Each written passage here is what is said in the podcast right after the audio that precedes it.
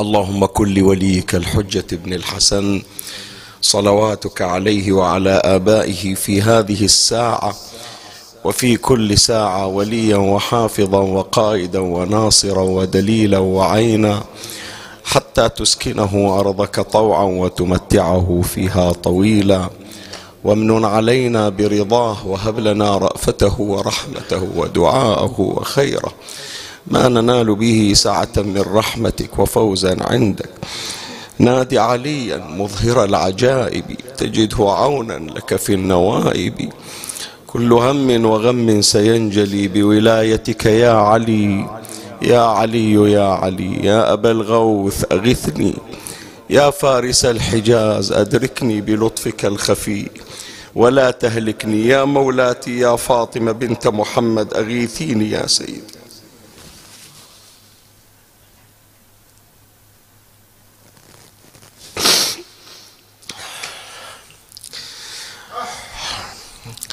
صلى الله عليك يا سيدي ويا مولاي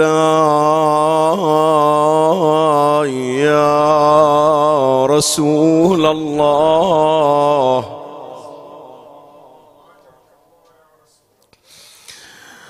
صلى الله عليك يا حبيب الله وعلى آلك الطاهرين.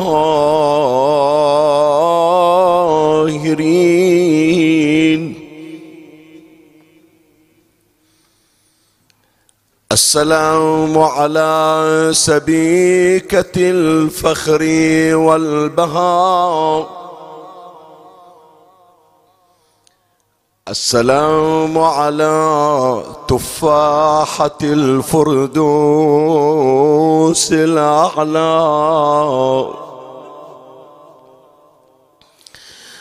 السلام على المدفونة سرا. السلام على المظلومة جهرا.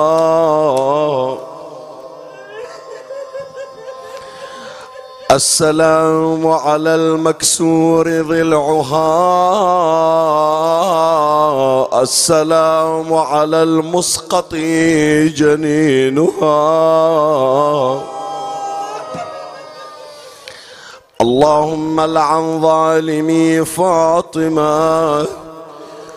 في الدنيا والآخرة وعذبهم عذابا وبيلا. يستغيث ومنه أهل النار يا شديد القوى. يا رحمة الله الواسعة. ويا باب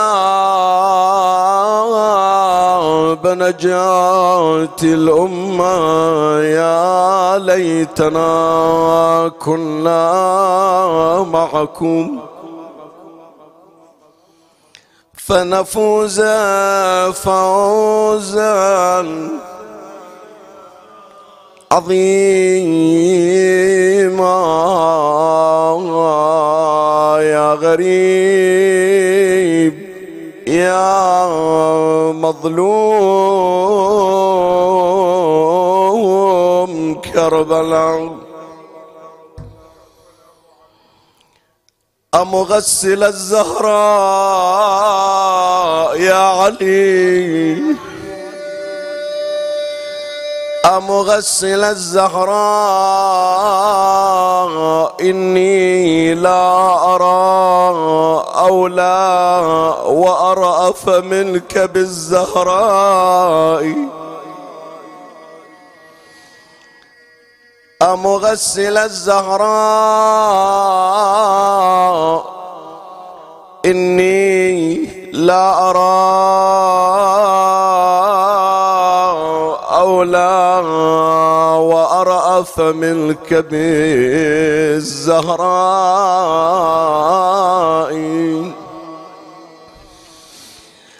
لكنما قلبي لما قد نالها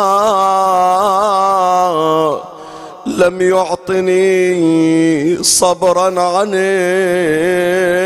الإيصاء. رفقا بها يا علي. شوية شوية عليها يا أبو حسين. بعد بنية بالثمنة عشر سنة راحت وخلت أيتام من وراها يا علي. رفقا بها إما تشاء تقليبها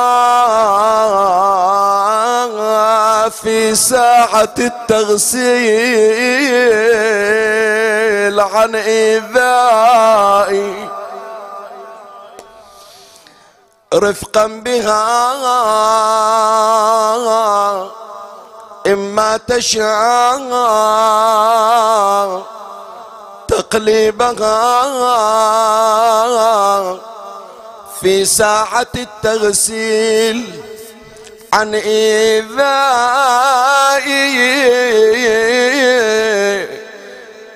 رفقا بها إني عليها أختشي إذاها حتى بصب الماء. حتى الماء يوجعها.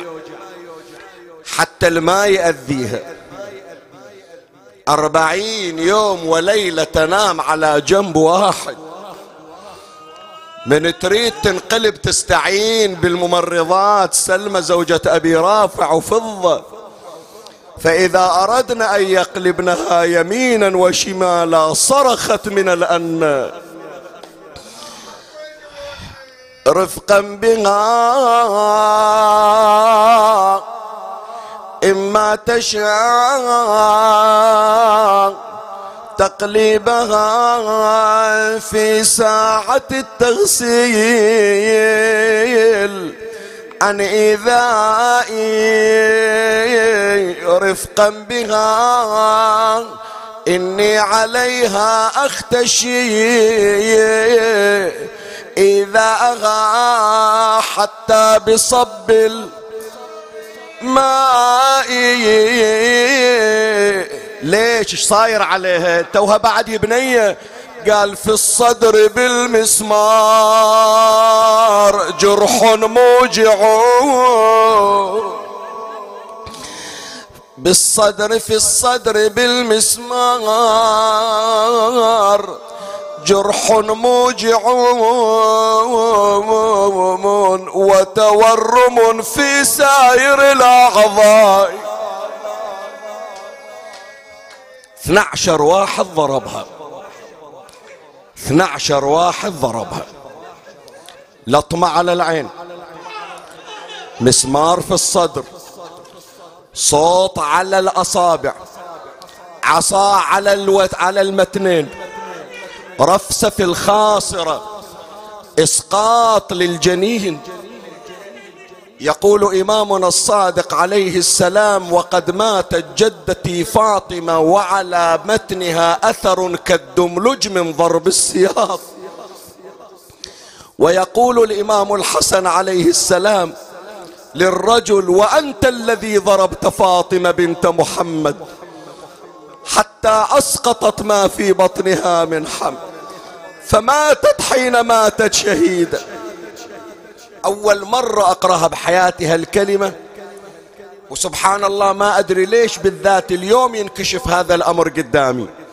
والمصدر معتمد مستدرك الوسائل للشيخ النوري يذكر الكلمة.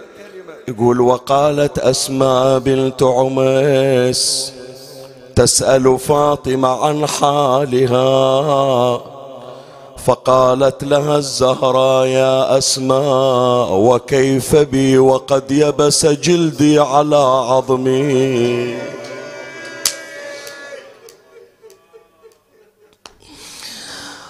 ولي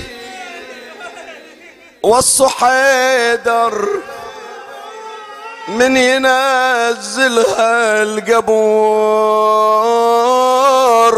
لا يخليها على خد المنسطر بيد لا يلمس ضلع هالملك سور ترى ضلوع أم الحسن مكسور. بالله يا شيال نعش الطاهرة على هونك من تسير على الثرى. ليش ترى ضلوع أم الحسن؟ متكسرة. اثنين من ضلوعها مكسور. أويلي ليش يا النجار ما عندك حساب؟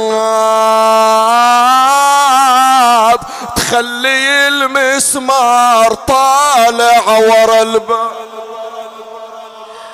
تدري هالمسمار سوى كم صواب؟ صاب صدر المصطفى مختار. أويلي عصار بنت المصطفى وطق الضلع ونبت مسمار الحقيد ما ينشلع. وسقط المحسن الما كمل تسير وصار من دم الصدور تغسيل.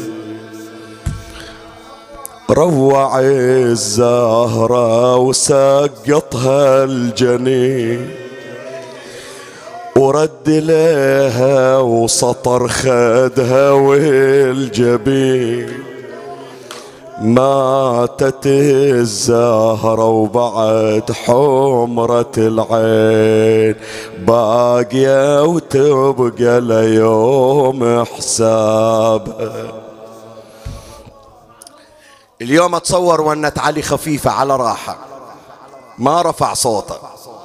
لأنه يخاف إذا رفع صوته وتسمع زينب الليلة يدفنها ويا أمها. وترى الونة إذا كانت على راحة من الموجوع تأذي أكثر من رفع الصوت. اسمع ونة علي الليلة. صوب النعش. عشت غريبة. عشت غريبة وانقصف عمرك غصيبة.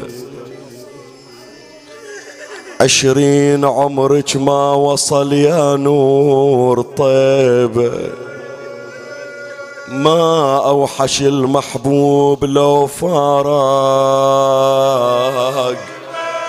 حبيبة ضاع وعقب عينيك يا زهرة الحسن وحسين.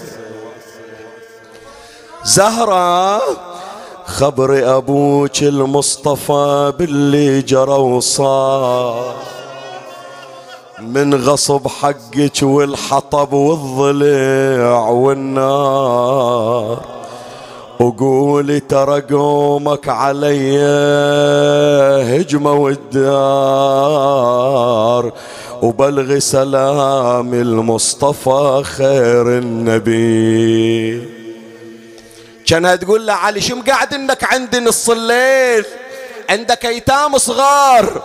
خليت أولادك يا زهرة وللقبر جي ولزيارتك في الليل يا زهرة تعنيت. والله يا زهرة من مشيتي أظلم البيت. وظلوا حسن وحسين من بعدك ينوحون. ولي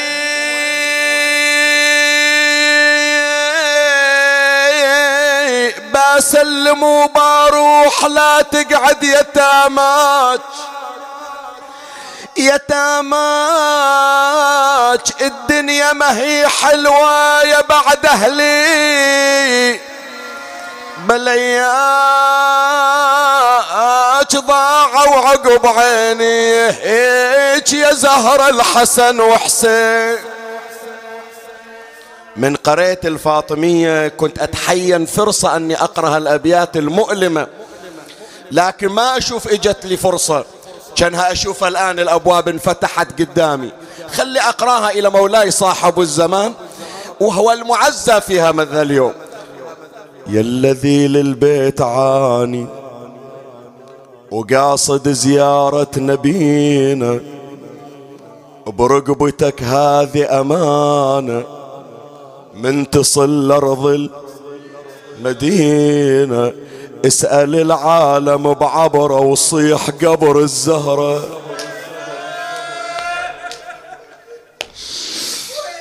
كنا إجا مكانها صحيح يعني. إجت الرمية بمحلها. يا الذي للبيت عاني وقاصد زيارة نبينا. يا الذي للبيت عاني وقاصد زيارة نبينا.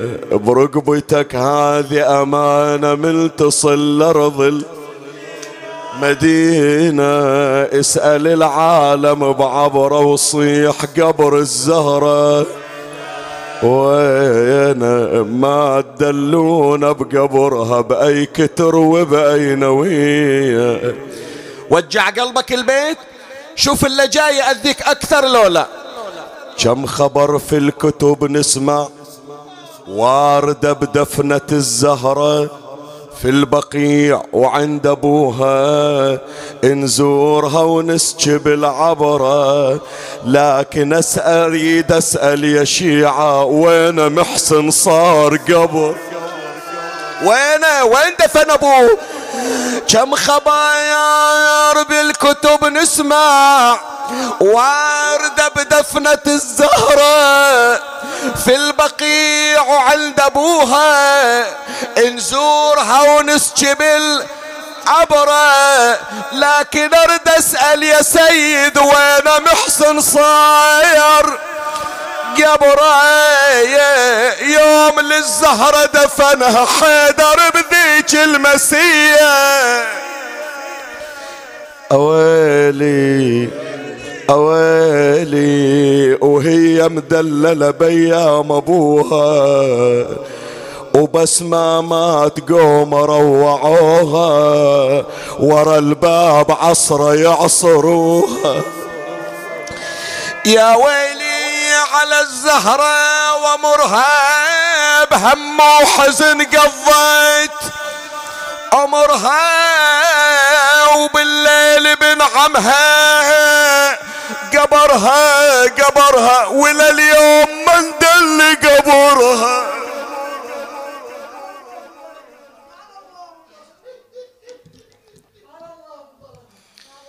إنا لله وإنا إليه راجعون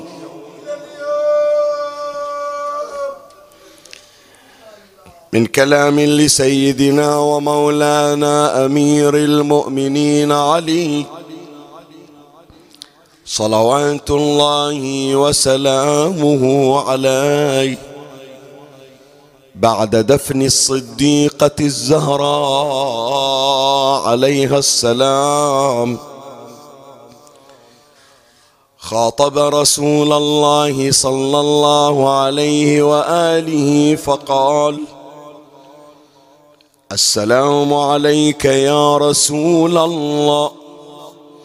عني وعن ابنتك النازلة في جوارك. والسريعة اللحاق بك قل يا رسول الله عن صفيتك صبري. ورق عنها تجلدي. إلا أن لي في التأسي بعظيم فرقتك. وفادح مصيبتك موضع تعز. فقد وستك في ملحودة قبرك وفاضت بين نحري وصدري نفسك. إنا لله وإنا إليه راجعون. فلقد استرجعت الوديعة وأخذت الرهينة. أما حزني فسرمت.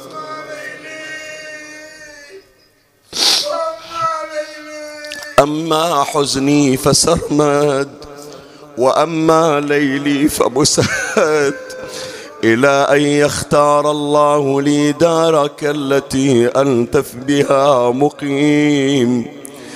وستنبئك ابنتك بتضافر أمتك على هضمها.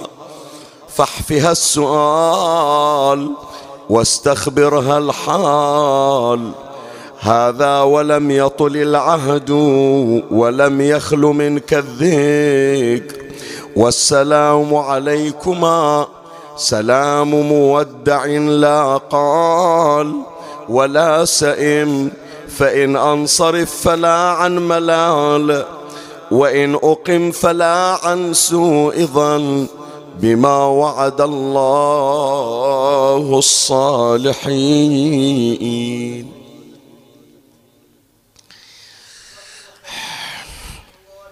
هذه هي الحلقة السابعة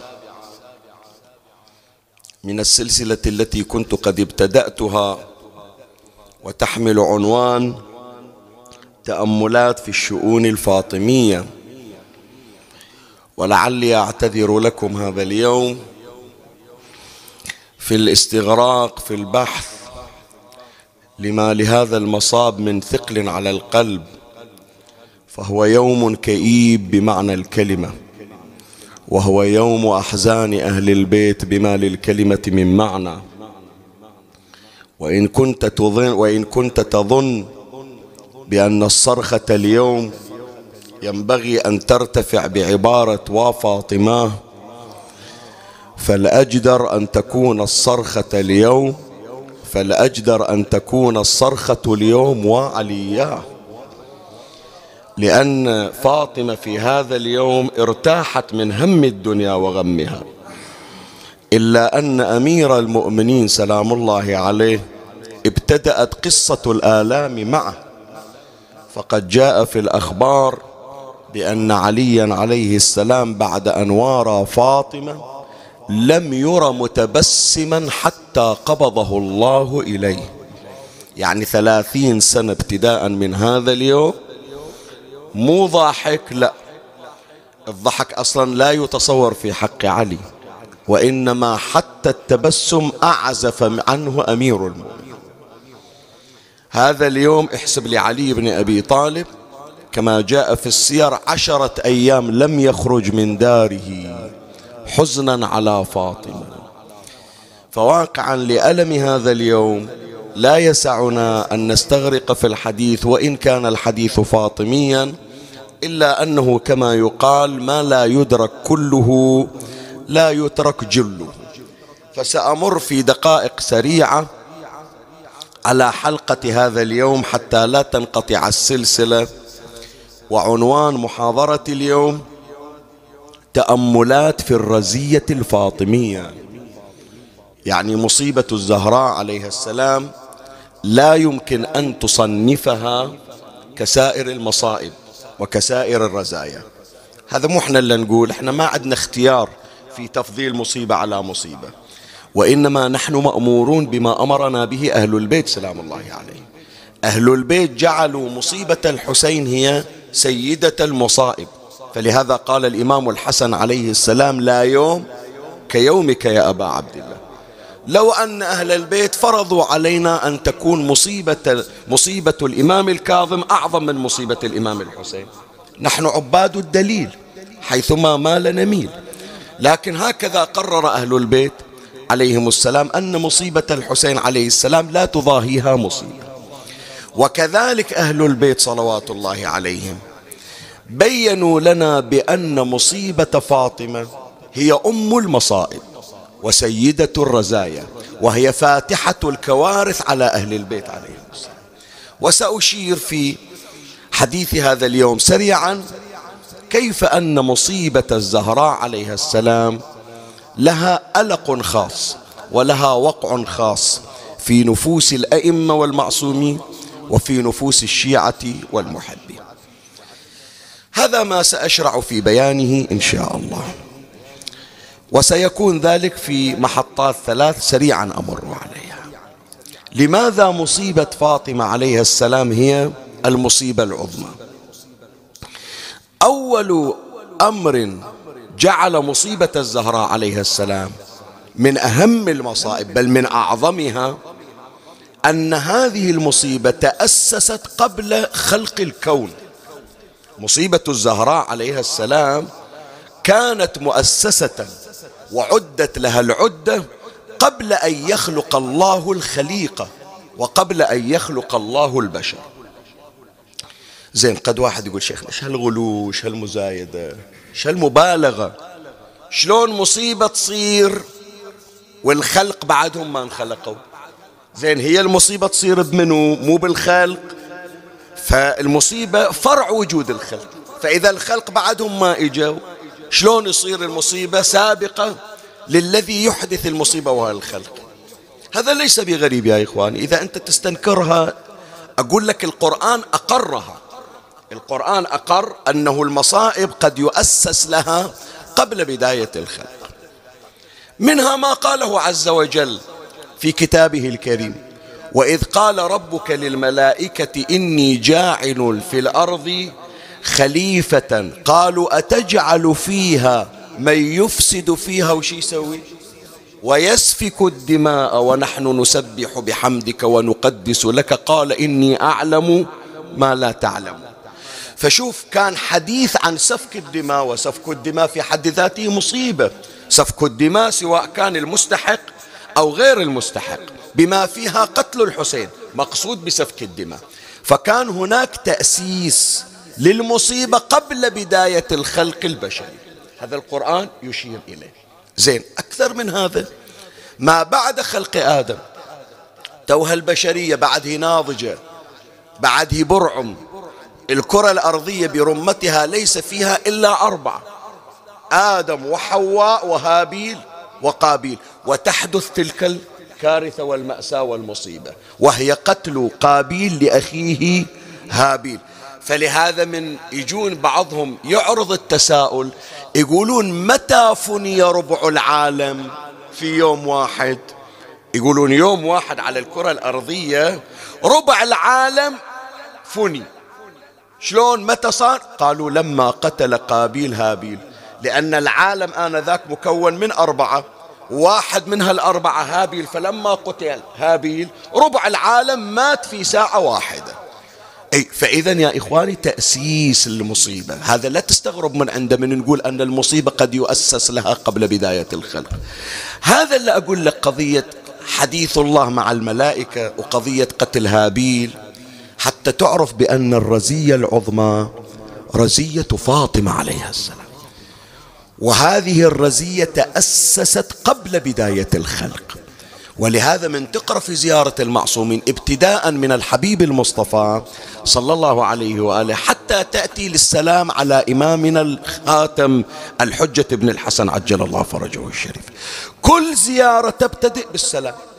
حتما انت جاي تزور واحد بداية الزيارة شنو هو؟ السلام. ولهذا يقولون السلام قبل الكلام. إلا زيارة يتيمة إلا زيارة واحدة. ما تبتدئ بالسلام وهي زيارة الصديقة الزهراء عليها السلام.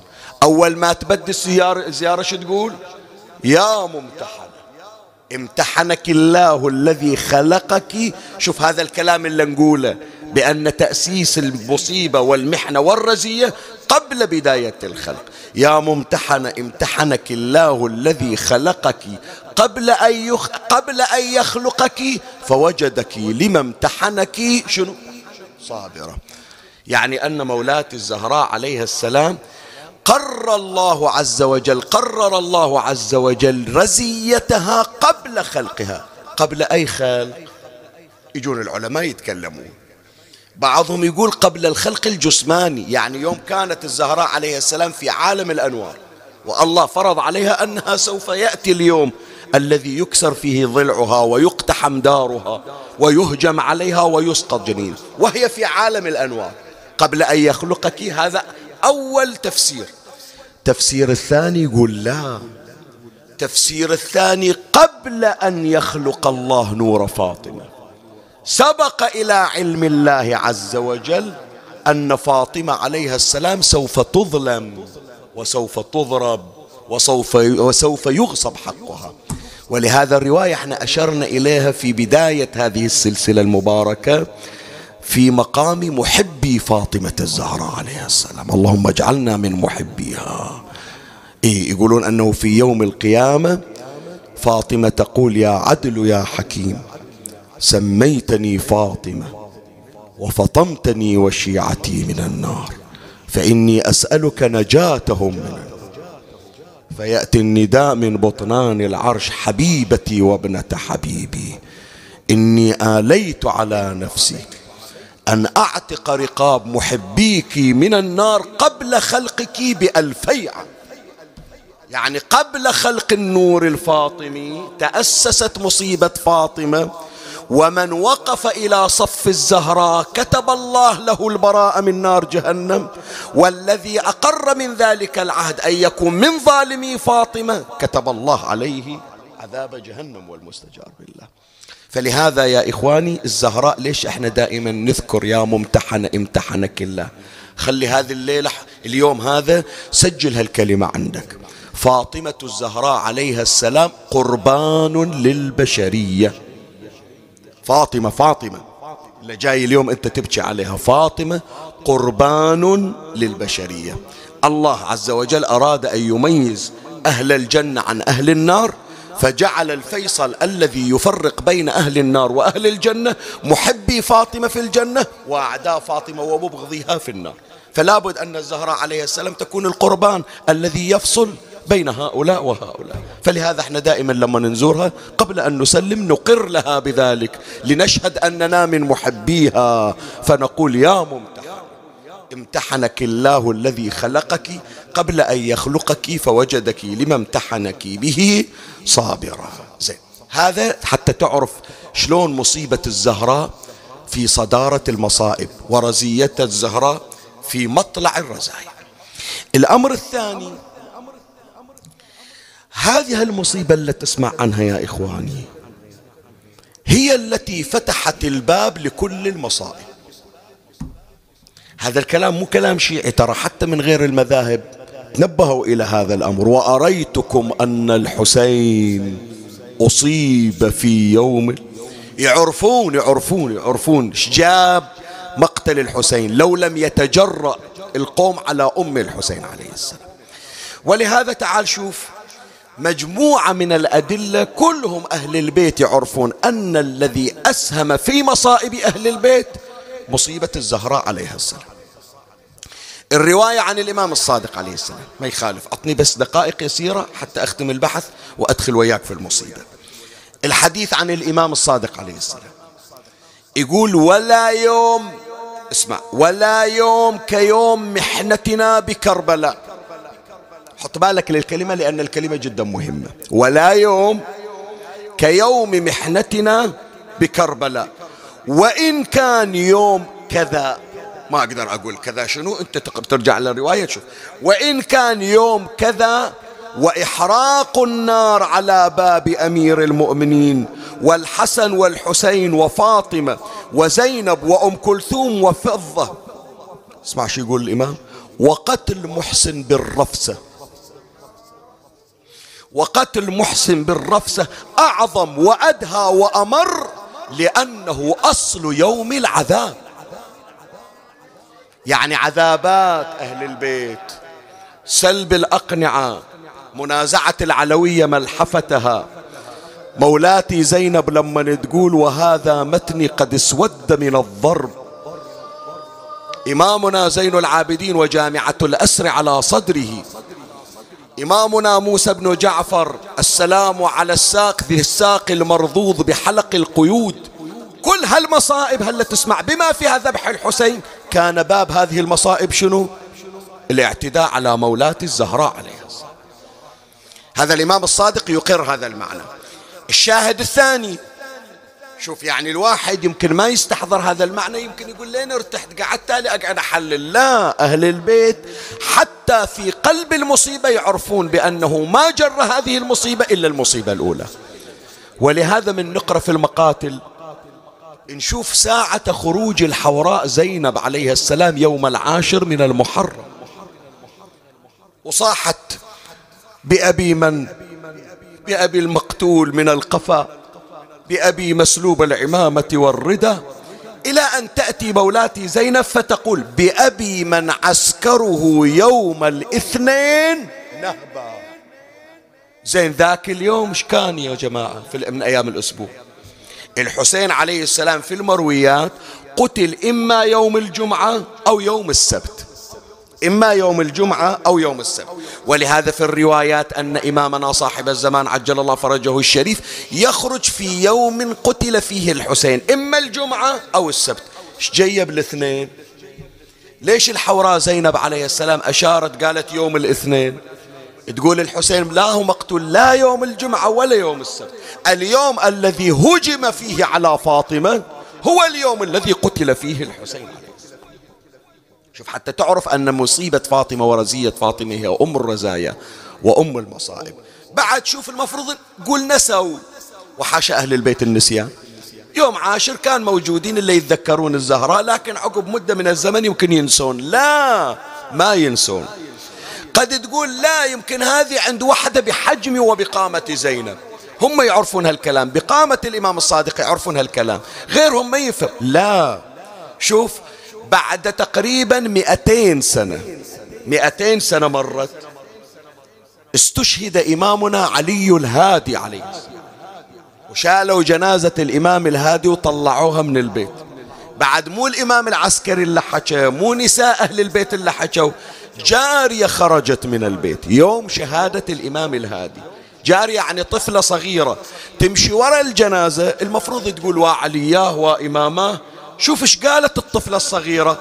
قال شيخ القمي يذكر يقول وسمع في جنازته جارية تقول ماذا لقينا منك يا يوم الاثنين قديما وحديثا؟ يعني تقول أبويا الهادي ترى مو مسموم. لا إلا قتل أبويا إلا هجموا على أم فاطمة الزهراء هي طفلة صغيرة في زمن الإمام الهادي بعد قرنين من الزمن.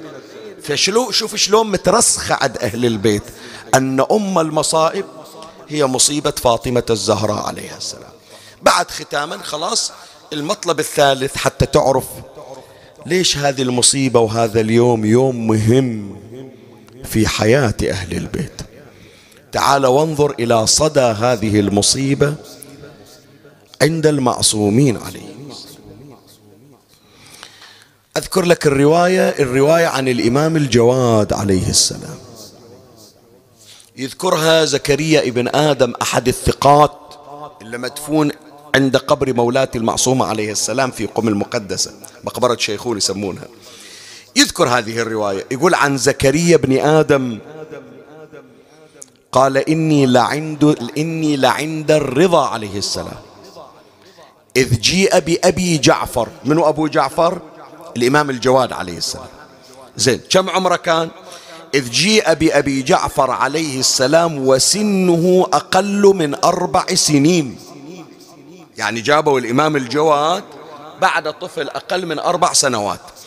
يقول فضرب بيده الأرض ورفع رأسه إلى السماء فأطال الفكر. فقال له الرضا عليه السلام بنفسي أنت لما طال فكرك؟ يعني تفكر بشنو؟ شوف الإمام الجواد بعد طفل سنين طفل عمره ثلاث سنين وكسور يعني ما وصل الأربع سنوات وقاعد يضرب بإيد الإمام الرضا من حرة قلبه على الأرض والإمام الرضا يسأله يقول ليش قاعد تفكر؟ فالإمام سلام الله عليه يقول فيما صنع بأمي فاطمة.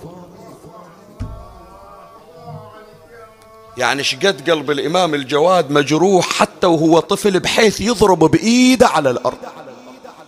الليل يعني هالكلمة فكر أنت إذا طفل بعد هالسنوات وقاعد من قهرة على الزهر يضرب بإيده على الأرض. اليوم علي عند جنازة فاطمة شي يسوي؟ اليوم أمير المؤمنين شي يسوي؟ اليوم الحسن والحسين عند النعش شي يسوي؟ يقول فيما صنع بأمي فاطمة.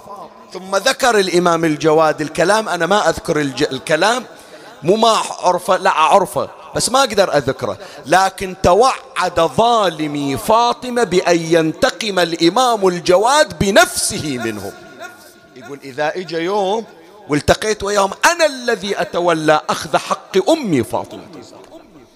يقول فلما سمع الإمام الرضا عليه السلام فاستدناه وقبل ما بين عينيه ثم قال بأبي أنت وأمي أنت لها. يعني أنت ممن يأخذ حق أمك فاطمة الزهراء عليه السلام. شوف إيش قد مصيبة أهل البيت. مصيبة الزهراء لها وقع في قلوب أهل البيت. بعد خلي أختم.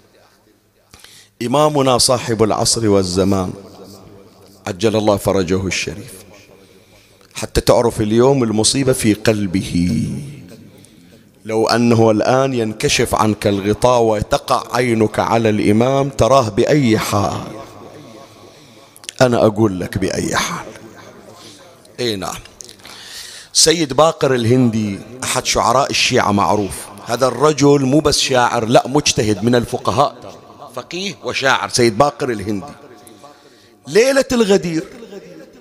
ليلة الغدير وهو في النجف والناس فرحانة والزوار جايين لزيارة أمير المؤمنين عليه السلام. بعد الزيارة رجع إلى البيت وهومت عيناه فرأى الإمام الحجة في عالم النوم. شلون؟ قال رآه واضعا رأسه بين ركبتيه وجالسا جلسة الحزين. أي ليلة؟ مو ليلة وفاة الزهرة ليلة الغدير. فسيد باقر الهندي يسأل الإمام في عالم النوم يقول له سيد الليلة مو ليلة حزن. الليلة ليلة فرح شيعتكم فرحانة روح شوف قبر جدك أمير المؤمنين إيش صاير بيه الزوار جايين من كل مكان. ليش سيدي ما تفرح ويانا ليلة الغدير؟ فهو سيد باقر في ديوانه يقول هذا البيت اللي في قصيدتي مو إلي هذا مخلنا أنا لأن اللي خلاني أسوي القصيدة هو الإمام. يعني هذا البيت من نظم الإمام الحجة. شو يقول الإمام؟ أتراني اتخذت لا وعلاها بعد بيت الأحزان بيت سروري. يعني تريدوني أنا أفرح وأمي فاطمة قاعدة في حرارة الشمس في بيت الأحزان. خلي الليل اليوم أريد أحرك قلبك ترى. تأخذ حسنا وحسينا في كل يوم. وتخرج منذ الصباح الباكر فلا تعود إلا آخر اليوم. وعلي يترقب طلوعها عليه. وفي ذلك اليوم جاءت له فاطمة بحسنيها وقد احمر وجه حسن وحسين. فلما رفعت فاطمة مقنعتها وإذا بوجهها أحمر من حرارة الشمس فذعر أمير المؤمنين. قال يا فاطمة ما ذاك؟ فقالت يا علي إن السدرة التي أستظل بها قطعوها. ترى بنت عمك قاعدة ويا فريخاتك بالشمس من الصبح إلى الآن. فبنى لها أمير المؤمنين بيتا آخر المدينة لتجلس فيه وتبكي على أبيها رسول الله. فالإمام الحجة في هذا البيت يقول أنا شلون أفرح أم الزهرة ما ابتسم ثغرها بعد رحيل أبيها؟ أتراني اتخذت لا وعلاها بعد بيت الأحزان بيت سروري. فابكي وازفر لها فإن عداها منعوها من البكاء والزفير. ذكرت لك حال إمامنا الجواد؟ وذكرت لك حال إمامنا صاحب الزمان. خلي أذكر لك شمر على أمير المؤمنين بعد رحيل فاطمة. يوم أقول لك اليوم أريد من عندك صيحة تصيح وعلياه لأنه لو تسمع إيش صار على أمير المؤمنين بعد رحيل الزهراء تقول إيش عظمة هالمصيبة إيش كبرها. إحنا إلى الآن ما وصلنا إلى إدراك حقيقتها. شوف إيش صار على أمير المؤمنين كما ذكروا. لما فقد علي فاطمة. هذا اللي قريناه في البداية. شوف أمير المؤمنين هو الصبور. هو الصبور. فارق رسول الله وهو سيد الكائنات. لكن أول ما فارق النبي علي منهار جلد متصبر حتى أنه انسل من تحت الثوب وعز المسلمين وهو بحاجة لواحد يعزي. قال أيها المسلمون عظم الله أجوركم في نبيكم فقد قبضه الله إليه. لكن يوم فقد فاطمة شوف شي يقول قل يا رسول الله عن صفيتك صبري. يعني ما عندي صبر خلاص. صبري كان موجود لما انت موجود. ويوم فارقت الحياة بنتك موجودة. يقول لعمار يا عمار لما فقدت رسول الله كنت أتسلى بفاطمة. وحينما فقدت فاطمة بمن أتسلى يا عمار؟ بمن أتعذب فهو القائل هذه مو كلمة خطيب قل يا رسول الله عن صفيتك صبري. زين بعد يقول نوم ما أنام أما ليلي فمسهد وأما حزني فسرمد يعني الحزن ما يوقف والليل ما أنام. إلى متى؟ يوم يومين سبعة أيام عشرة أيام. قال حتى يختار الله دارك داري الدار التي أنت بها مقيم. إلى أن أموت ما راح أبند عن فاتحة فاطمة. هذا علي. بعد اشمر على أمير المؤمنين. أنا أقول لك اشمر. شوف ما سمعنا في الروايات أن عليا أغشي عليه لما فقد رسول الله. لكن وصل إلى خبر أن فاطمة ماتت وهي بعد ما ماتت. في الرواية ترى لحق عليها ولحق على الوصية الأخيرة.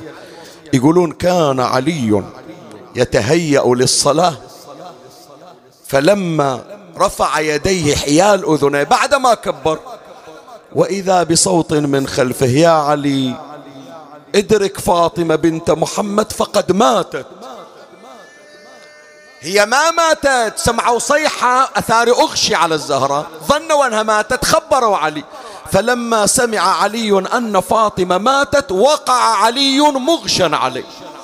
حتى وقعت العمامة من على رأسه. واحتاج المسلمون إلى أن يرشوا الماء على وجه علي. وهكذا ورد فخرج علي من المسجد مسرعا وهو يقول بمن التعزي يا بنت رسول الله؟ يعني إيش أسوي عقبك يا أم حسين إذا رحتي هذا علي. وما أصاب علي. بعد هذا أكثر. خلاص أكتفي بهالمقدار. الواحد يبكي ما يخالف. لكن يتمنى الموت إذا نزلت المصيبة ما يصير. لكن صارت عند علي. أول ما إجا وشاف الزهرة فارقت الحياة. يوم إجا في المرة الأخرى وشاف الزهرة ماتت ترى الزهرة فارقت الحياة وراسها مو في راس علي. خافت عليه. خافت عليه قالت له يا علي خذ بيدي ولديك الحسن والحسين. يعني ما أريد أنت أموت وأنت تشوفني. أنا حريصة طيلة حياتي على أن لا أدخل الألم على قلبك. تشوفني أموت قدام عينك شي يصير بحالك يا علي؟ وهذا الغريب يا جماعة. يمكن أول مرة أبو عمار أنا أقولها في وفاة الزهرة من قريت إلى الآن. إحنا نقول الواحد وقت الموت يحضر له علي مو تمام؟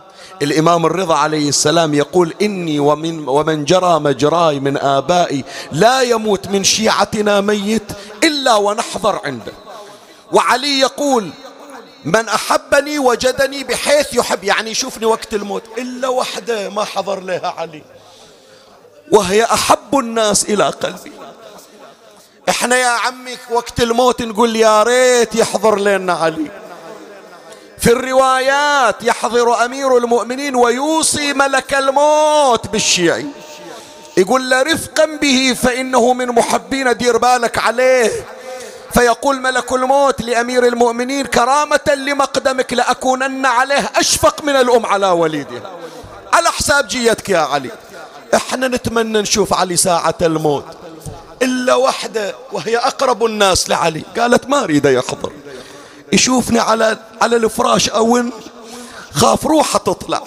فلهذا قالت يا علي خذ بيد الحسن والحسين وامضي بهما إلى المسجد. ويوم خبروا علي بأن فاطمة فارقت الحياة. وما إجا وإذا أم حسين ممددة على المصلى. ما صبر مثل صبر عند فقد النبي. مع العلم بأن النبي أعظم قدرا وشأنا من فاطمة. لكن تدري قال عند الزهرة نفسي على زفراتها.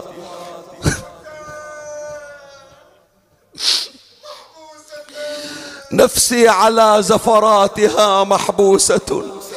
يا ليتها خرجت مع الزفرات. يا يا أم حسين دافنيني وياك بقبر واحد يا حبيبي. نفسي على زفراتها محبوسة. يا ليتها خرجت معي زفراتي لا خير بعدك في الحياة وإنما أبكي مخافة أن تطول. حياتي يا قلب ذوبوه اليد دمعي على الصاحة يفض انكسر.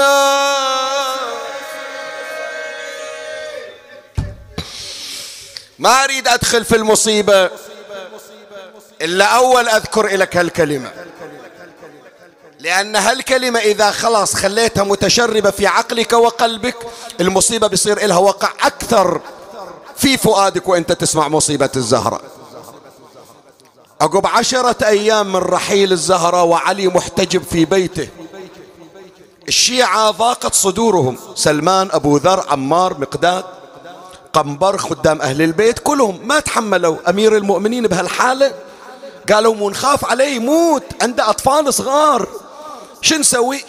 اقترحوا قالوا خلنا نطلع علي من البيت نجيبه نقعده ويانا ونفتح حديث حديث من أحاديث الدنيا.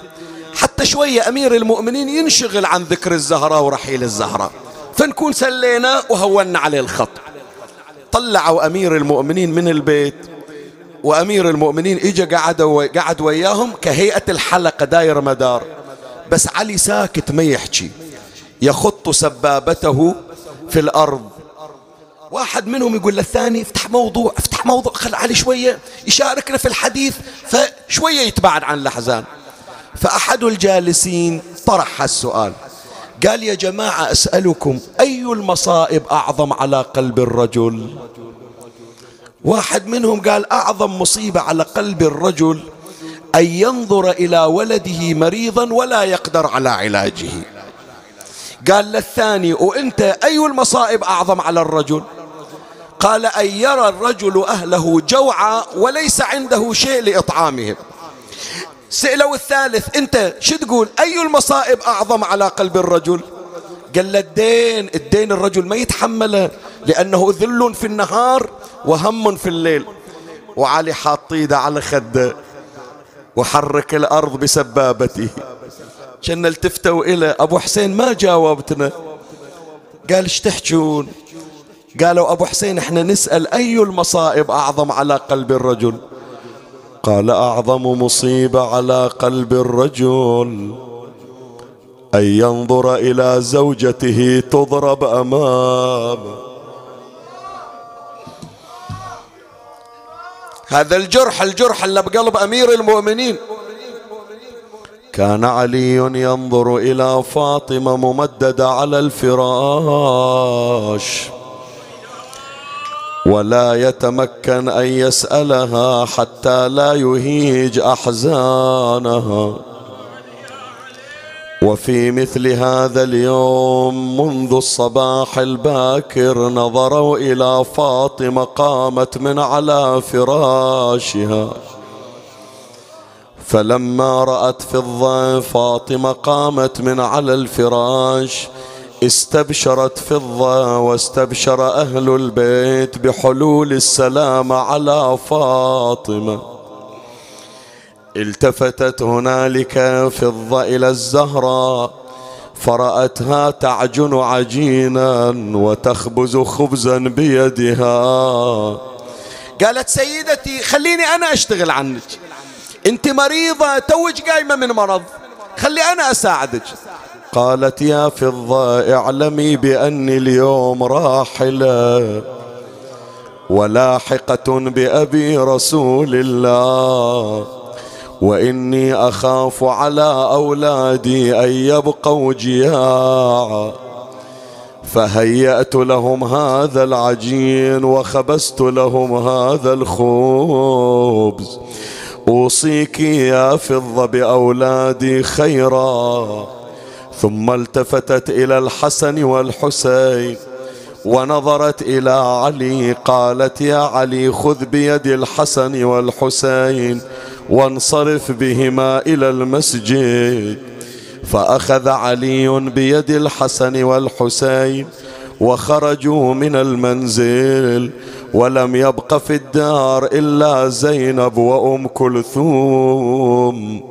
التفتت إلى أسماء قالت يا أسماء نادي لي فضة نادت فضة قالت يا فضة خذي بيدي زينب وأم كلثوم وأخرجيهما وخذيهما إلى دار ابنة أختي أمام.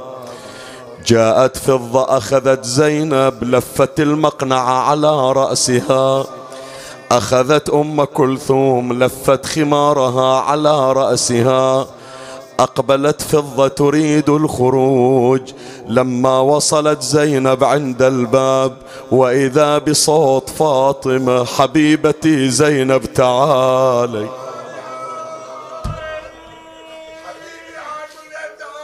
تعالي يمه تعالي.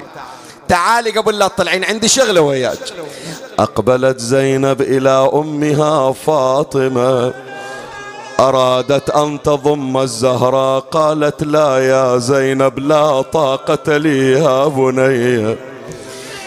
يما ليش منادتني قالت يا زينب اكشفي لي عن صدرك ونحرك.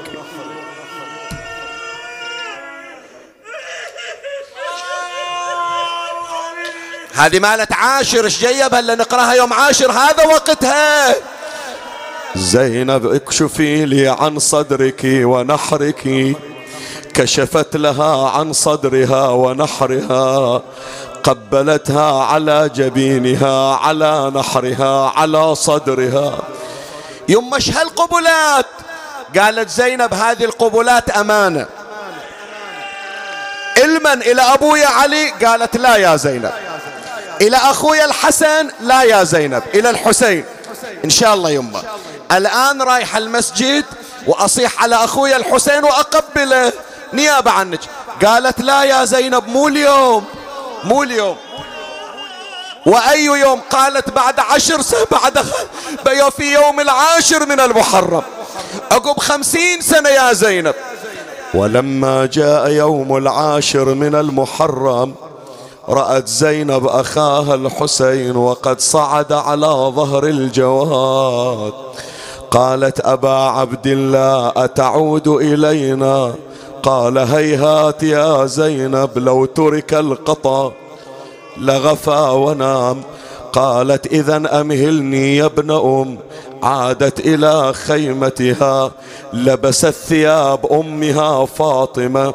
ما قارنها برواية لكن أهل الفضل يقولون وأي ثوب لبسته فاء زينب لبست الثوب الذي اخترقه المسمار في صدره.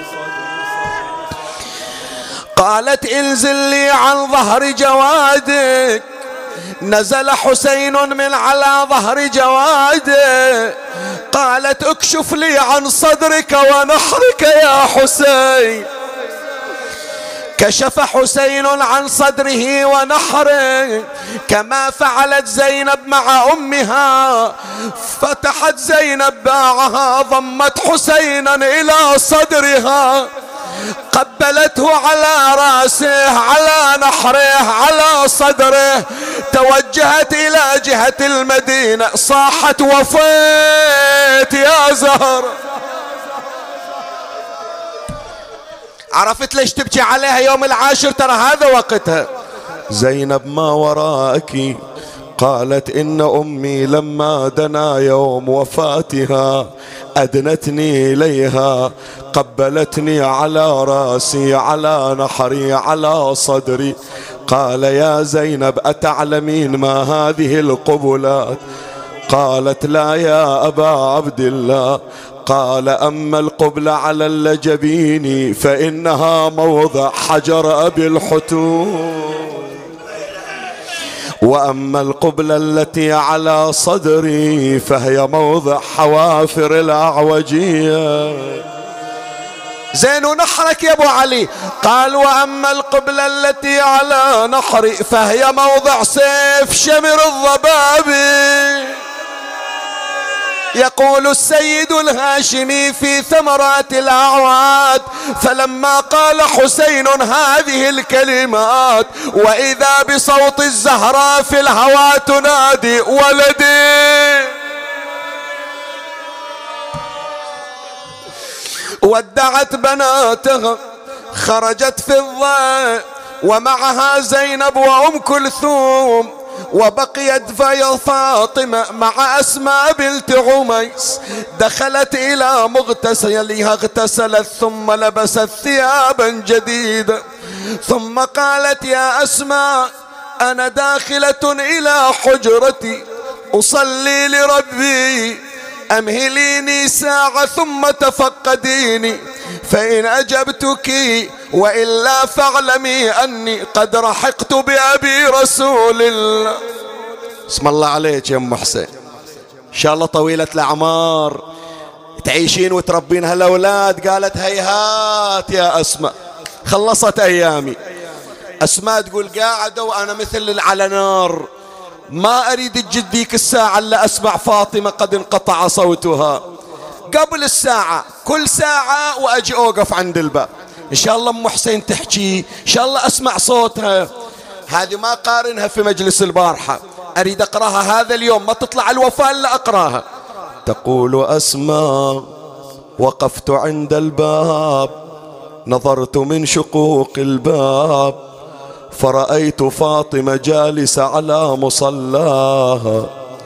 ناشرة يديها إلى السماء. وهي تقول إلهي بأبي محمد وشوقه إلي ببعلي علي وحزنه علي بولدي حسن وحسين وبكائهما علي بابنتي زينب وأم كلثوم وجزعهما علي. أسمى تقول ما أدري عندها فاطمة. تريد تدعي إلى ضلعها إلى عينها إلى صدرها. شنو هالدعاء هالقسم؟ وإذا بفاطمة تقول إلهي خلص شيعتي من النار.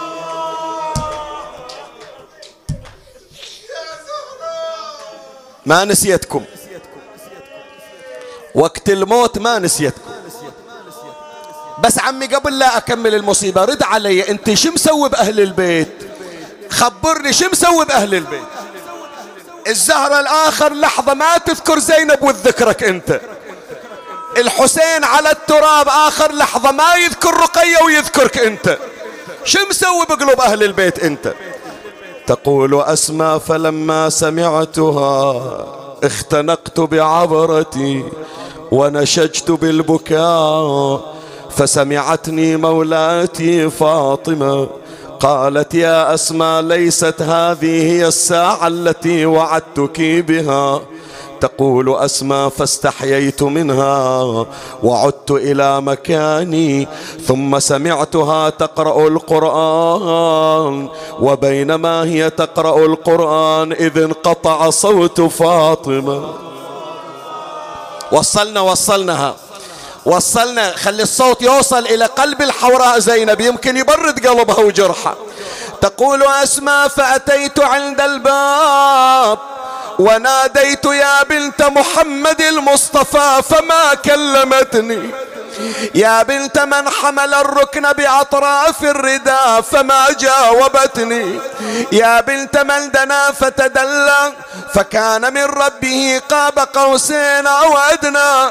فما سمعت لفاطمة صوت تقول أسمى ففتحت الباب وإذا بفاطمة ممددة. والثوب على وجهها. تقول كشفت الثوب وإذا بفاطمة ميتة.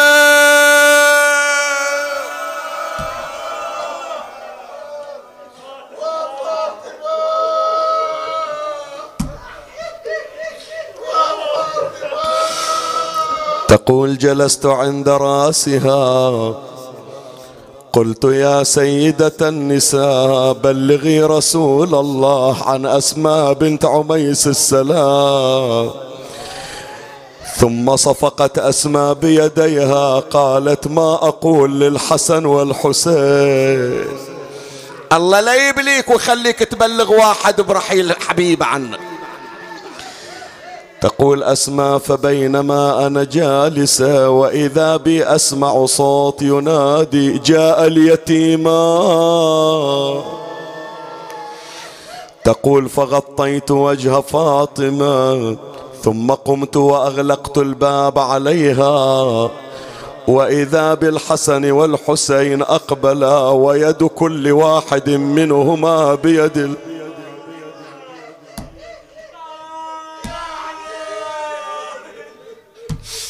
ارحم روحك شوية عاد ارحم روحك شوية ترى بعد لي شغل وياك بعد ما خلصت ارحم روحك شوية تقول أريد شوية أخذ بخاطرهم لا تنزل المصيبة على قلوبهم. قالت يا حبيبي اجلسا حتى أقدم لكم الطعام. قال الحسن يا أسماء متى رأيتينا ناكل من غير أمنا فاطمة؟ من يوم شفنا من على الفراش ما تهنينا بزاد قلت يا سيدي إن أمكما نائمة. قال حسين يا أسماء وما ينيم أمنا هذه الساعة. تقول رأيتهما تقدما إلى الحجرة فأسرعت إلى بابها وفتحت بابعي أمنعهما. قال الحسن يا أسماء لم تفرقين بيننا وبين أمنا فاطمة؟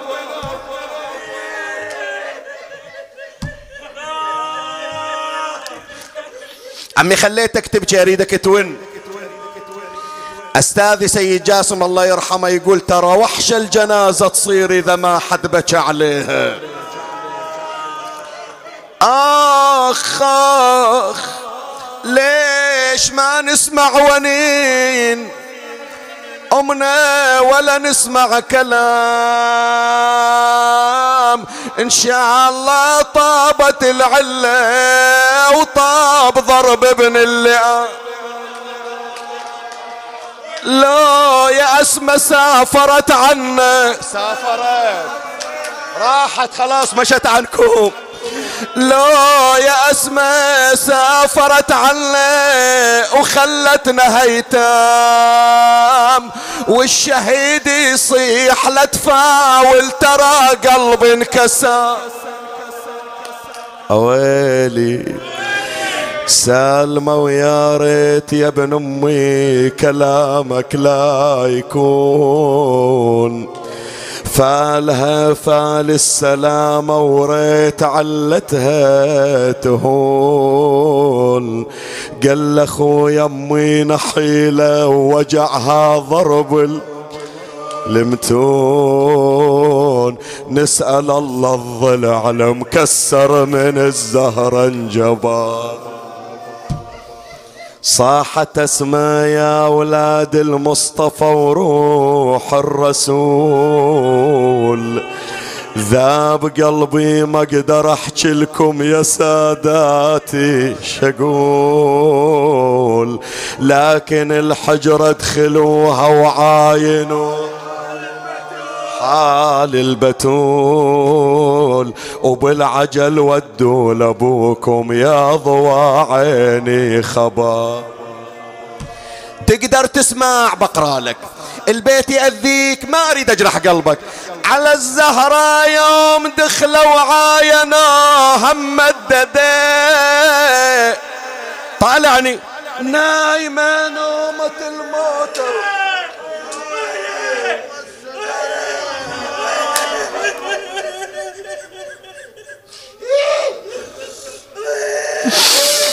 على الزهرة يوم دخلوا عاينا هم نايمة نومة الموت وساد ماهم والسدى بالمصلى والقلب مسدل عليها الردى طاحوا عليها ومدامعهم تصب مثل المطر. والله لا مرد قلبك. إذا عندك أغلى من الزهرة ما ألومك. دخلوا اليتامى على البتولة بدمع همار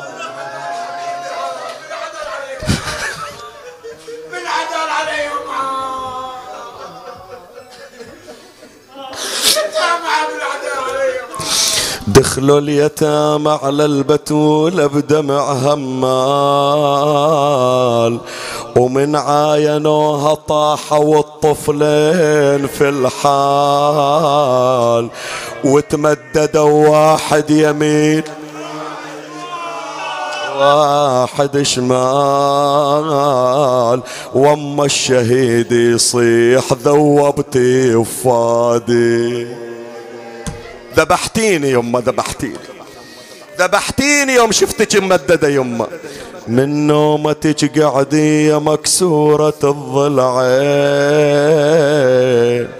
ونشف دمع عيني تراني عزيزك حسين. ما كانت العادة عن أولادك تصدين. والله يا زهرة أظلم علي الوادي. صار البيت ظلام يما. صار البيت ظلام. انت شمعت البيت وانطفى البيت بلياج. قاعدين اثنينهم كل واحد ينعي. شوية ولا صوت واحدة حنونة. خبروها وإجت تركض إلى أمها. بعد يصير هالمجلس أبو عمار ما أذكر زينب تعتب علينا. فتحت الباب وإذا يسمعون الصوت. يما فزيت من نومي وجيتك وعلى فراشك يا زهرة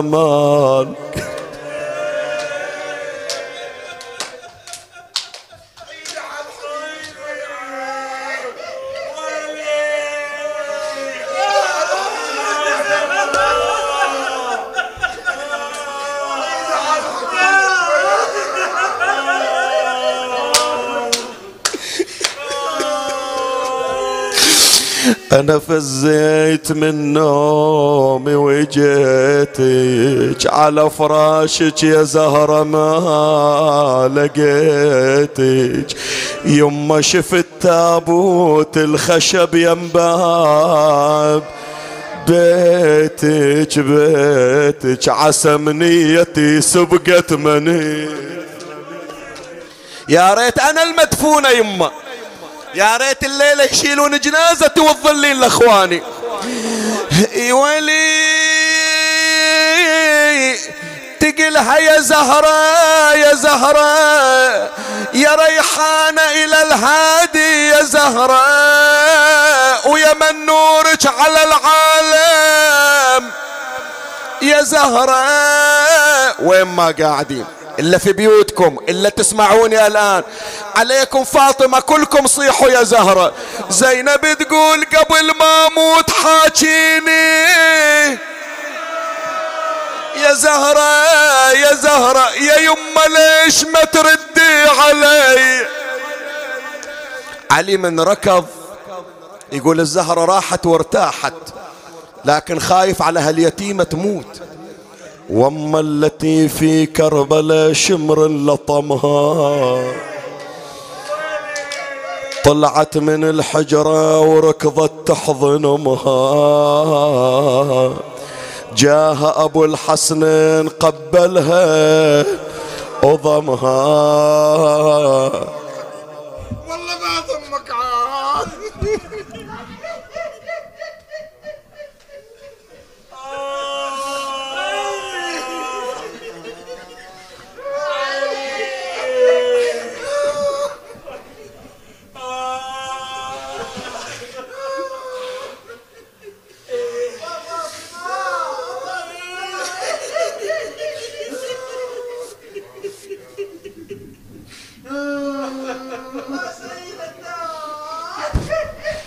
وصل اللهم على محمد وآله الطاهرين والفاتحة مع الصلاه